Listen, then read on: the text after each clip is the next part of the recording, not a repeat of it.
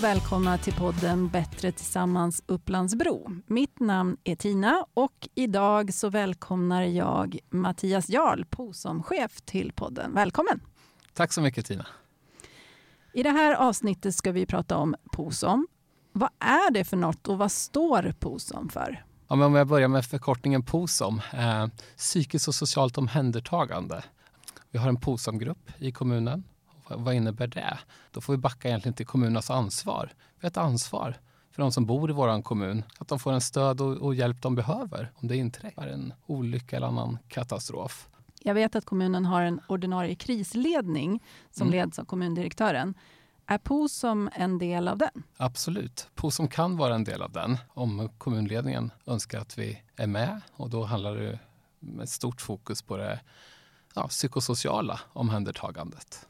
Men ni är inte med liksom i grundutförandet av krisledningsgruppen? Nej, vi är en del som man kan aktivera. Okej. Och i vilka situationer skulle man säga att ni skulle då bli aktiverade? Under de åren jag jobbat i Upplandsbro så har det varit ovanligt. Um, men jag kommer ihåg ett tillfälle där det fanns ett behov. Det var för några år sedan. Um, en vardag, skottlossning i rondellen i Bro runt klockan fyra på eftermiddagen. Det började bli dags att hämta barn på skola, förskola, fritids. Då kom att polisen hade avspärrningar som gjorde att det var, det var svårt att ta sig fram. Eh, samtidigt som eh, det gick in, ut information till vårdnadshavare om vad som hade hänt. Då vart vi involverade. Vad kunde vi bidra med? Eh, och I det här fallet så slutade det med att vi öppnade en, en stödlokal utanför avspärrningarna. För du, du säger ju vi hela tiden. Eh, alltså det finns ju då en stödgrupp inom POSOM. Vilka är det som ingår i den? Bra fråga. Är absolut inte själv. Vi har en, en POSOM-chef, om jag ska beskriva vår organisation. Och sen har vi en ledningsgrupp. Det består av chefer från olika kontor inom kommunen. Men framförallt de som gör jobbet, som då, då bemannar exempelvis den här stödlokalen. Det är medarbetare i kommunen från olika eh, kontor. Men det är också Svenska kyrkan har varit med. Och de, de jobbar till vardags liksom med yrken som gör dem passande för att delta i PO som stödgrupp och kunna bemöta människor som kanske befinner sig i en kris eller annan svår situation. Så det är alltså ett samarbete med eh, lokalsamhället kan man säga? Eh, delvis. De flesta i stödgruppen har ju en anställning i kommunen. Sen finns det ett fåtal som deltar ändå. Men då är det framförallt kanske kyrkan Eh, när kan POSOM aktiveras och hur går det till? Vi pratade ju om eh, krisledningsgruppen, mm. men eh, det är ju inte alltid en kris händer när krisledningsgruppen har ett sammanträde. Så hur aktiveras POSOM? Ingången till POSOM kan vara lite olika. Som du beskriver, kris, krisgruppen i kommunen, en del kan aktivera POSOM. En annan del är att det kan komma in via tjänsteman i beredskap. Ibland hör man det uttryck som, som TIB, och det är egentligen att kommunen har en tjänsteman i beredskap dygnet runt, alla, alla dagar, året runt. Och syftet är att kommunen ska kunna kontaktas alltid av exempelvis polis, räddningstjänst, SOS Alarm, Länsstyrelsen eller annat om det har uppstått en kris, olycka, katastrof med mera. Och TIB tar emot den informationen. Och ibland kan det vara så att informationen kanske föranleder att det kan möjligtvis vara aktuellt med att aktivera POSOM-gruppen. Och då tar TIB och ringer vidare till POSOM-chef och överlämnar den informationen som har inkommit. Ibland är det tillräckligt med information för att ta ett beslut. Ibland kan det vara att så här, här behövs inte POSOM. Ibland kan det vara solklart att vi behöver aktivera POSOM snarast. Och ibland kan det liksom vara tillfällen då det är så här, det här var en första information, den här behöver vi följa upp för att se vilket beslut vi ska fatta lite senare. Vi behöver mer information. Mm, hur ser bedömningen ut om man ska aktivera POSOM eller inte? Alltså, hur går det till? Om vi tar det här exemplet som när Tibbe ringer och överlämnar information så är det liksom en bedömning. Vi har ju ingen mall för att exakt när det händer så gör vi si eller så. Det är flera delar. Det kan vara när sker händelsen? Är det på dagtid då liksom kommunen i stort arbetar? Då, då är grunden att vi genomför de insatser som behövs med ordinarie verksamhet. Behöver de kompletteras så hjälper vi gärna POSOM till. Men eh, kommunen vilar ju också. Händer det saker på kväll, helg, natt så kan det finnas ett större behov av POSOM. Det är liksom vad, vad har hänt? Hur många är inblandade? Finns det ett behov på platsen? Med mera. Och den informationen som vi får initialt, den kan ju liksom vi också följa upp. Ofta kanske polis eller räddningstjänst där, så vi liksom kan följa det om vi inte har tillräckligt med information först. Vad händer sen när POSOM har aktiverats? Vad blir ditt jobb då? Oftast så tar jag kontakt med ytterligare någon i POSOMs ledningsgrupp för att planera vad vi ska göra. Det är det första. Och ungefär samtidigt så bör vi också kontakta stödgruppen. Vi har kanske gjort en första bedömning att vi behöver exempelvis vi behöver tre stödpersoner de första timmarna här, sen får vi följa det. Så det handlar om att få tag på de här stödpersonerna och då kan det ju vara på helg och natt. Sammankalla dem. Sen gör vi en bedömning. Behöver vi öppna kanske en stödlokal vid det här tillfället? Eller är det så att vi ska låta stödpersonerna åka till aktuella platsen där det har hänt? Och sen följer vi liksom det arbetet tillsammans. Tätt mellan ledningsgrupp och stödgrupp. Det kan handla om att se till att det finns mat på plats eller filtar eller annat som uppstår. Och det här sker ju både dialog mellan ledningsgrupp och stödgrupp men vi har också kontinuerlig kontakt hela tiden med exempelvis polis, räddningstjänst för att ha ett nuläge. Och sen har vi en beredskap för, blir det en längre insats, då behöver vi byta ut stödpersoner. De kan inte jobba hur länge som helst. Mm, jättebra beskrivet. Jag har ju sett att du har ett litet exempel på hur en sån här äh, POSOM äh, händelse eller aktivering kan se ut i korthet. Skulle du kunna dela med dig av det till lyssnarna? Absolut.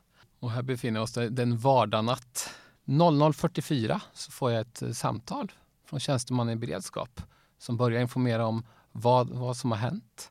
Det är såklart ganska fort under det samtalet att POSOM ska aktiveras. Så 00.47, då väljer vi redan direkt. Vi aktiverar POSOM och kort därefter så är det klart att vi behöver öppna en stödlokal. 00.50 vid nästa hållpunkt, då börjar samtalen ringas till stödpersonerna för att sammankalla. I det här fallet skulle vi ha tre stödpersoner. Så det påbörjas 00.50 och pågår fram till 01.10. Så under 20 minuter pågår de här samtalen. Några svar, några svarar inte, men tre stycken på 20 minuter är sammankallade. Sen fortsätter dialogen med räddningstjänst. Så 00.56 ett första samtal igen med räddningstjänsten, inhämta information. 01.57 mm, också avstämning. Då är det med polisen, vad sker på platsen? Och det här sker ju samtidigt som stödpersonerna förflyttar sig mot stödlokalen. 02.30 då har ett behov uppstått av mer mat och dryck i stödlokalen. Så då aktiverar ytterligare en stödperson som får plocka upp det som finns och börja åka dit. Och i det här fallet, den här händelsen, så var det 10 minuter senare, 02.40, aktiverar vi ytterligare en stödperson utifrån det behovet som fanns. Och sen fortsätter det här arbetet under natten. 05.03 så är ytterligare en avstämning med, med polisen. Hur är nuläget? Vad ser vi framför oss? Och då har vi i åtanke det här, kommer vi behöva aktivera fler stödpersoner som byter av dem? Men 05.25 så har vi ett samtal igen med polisen och då står det klart att den här insatsen närmar sig verkligen sitt slut. Personerna kommer kunna lämna stödlokalen. Så 05.27 väljer vi då att avsluta insatsen. Så en insats som påbörjades 00.47 avslutas 05.27. Och det jag inte beskriver i det här korta exemplet det är ju liksom all kontakt som sker mellan ledningsgrupp och stödgrupp under natten. Liksom, den är ju kontinuerlig. Ja, men det skulle kunna vara en, en typisk POSOM-natt helt enkelt på ungefär fyra timmar? Ja, men det här är ett ganska, ganska talande exempel hur det kan se ut. Och hur eh, avslutas POSOM? Är det du som avgör om det ska avslutas eller är det i sam samarbete med någon annan? Jag tar det slutgiltiga beslutet, men det är ett beslut som är, innehåller otroligt mycket information. Det är den här löpande informationen som har varit exempelvis under natten från räddningstjänst, från polis, från personerna som stödpersoner som jobbar på plats. Någonstans så har man ju liksom arbetat sig fram till det här beslutet och sen har vi såklart en sista dialog med polis räddningstjänst att vi är överens och sen väljer vi att avsluta. Vilken händelse då POSOM aktiveras kommer du ihåg bäst? Alltså där du har känt att nu har vi verkligen gjort nytta med POSOM? Gud, vilken svår fråga. Det är flera gånger vi har aktiverat och haft insatser som, som jag och, och många runt omkring har varit nöjda med. Vill du höra om någon speciell så då har jag faktiskt en från en händelse i hyfsat närtid. Det var en person som eh, stora stödbehov liksom initialt, chockad av händelsen, behövde stora delar praktisk hjälp också. Och då var det många som slöt upp. Både från kommunen hjälpte till väldigt snabbt, både liksom med, med stöd men också de här praktiska delarna. Plans Brohus var, var med i samma, samma insats och gjorde ett jättebra jobb som gjorde att äh, möjliggjorde att vi kunde hjälpa till med det praktiska. Eh, och det hängde också kvar sen.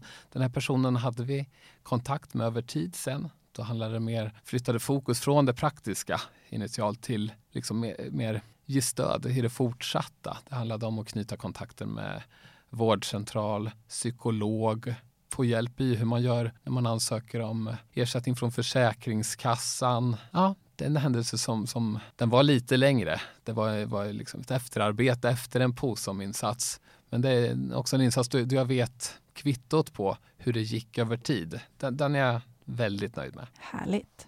Hur ofta under ett år skulle du säga att POSOM aktiveras ungefär? Under de åren jag har varit POSOM-chef så det har skilt sig åt. Det senaste året, här 2023, så vet jag att vi hade 11 kontakter med POSOM. Det är inte detsamma som att vi har aktiverats 11 gånger. Vi, en handfull gånger har vi aktiverat, haft insatser. Ibland har det varit så att det har skett i anslutning till arbetsdagen, ordinarie verksamhet, så POSOM har kunnat leda in det ordinarie verksamhet.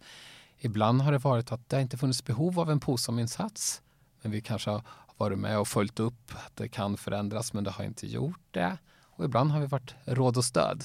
När var senast som POSOM aktiverades? Är det i närtid eller är det längre sedan? Ja, men det är hyfsat nära. 20 november var senaste tillfället vi aktiverade POSOM. Och för nyfikna lyssnare kan jag berätta att efter 20 november så har det heller inte kommit några samtal angående att aktivera POSOM. Så vi har inte tagit någon ställning eller haft något ställningstagande då vi har behövt besluta. Utan det har varit väldigt, väldigt lugnt utifrån POSOMs horisont. Och då tänker jag ju så här, arbeta som POSOM-chef, det gör ju inte du på heltid. För nu tänker jag att lyssnarna kanske tänker, men vad gör du då mellan eh, POSOM och inte? Mm. Eh, så vad gör du? Men I grunden så jobbar jag som enhetschef på socialkontoret och som ett tillägg på det så jobbar jag som POSOM-chef sedan, sedan tre år. Jag vet ju också att du jobbar med ett annat projekt som jag tror att det är många som hört talas om och det är ju GVI. Nu ska vi inte använda det här avsnittet till GVI, men jag tror att det är många som har hört talas om just GVI. Vad är det för någonting? GVI, eller egentligen Group Violence Intervention eller gruppvåldsintervention. Det är en strategi från USA som syftar till att minska skjutningar och sprängningar. Och den strategin har vi, har vi tagit till oss.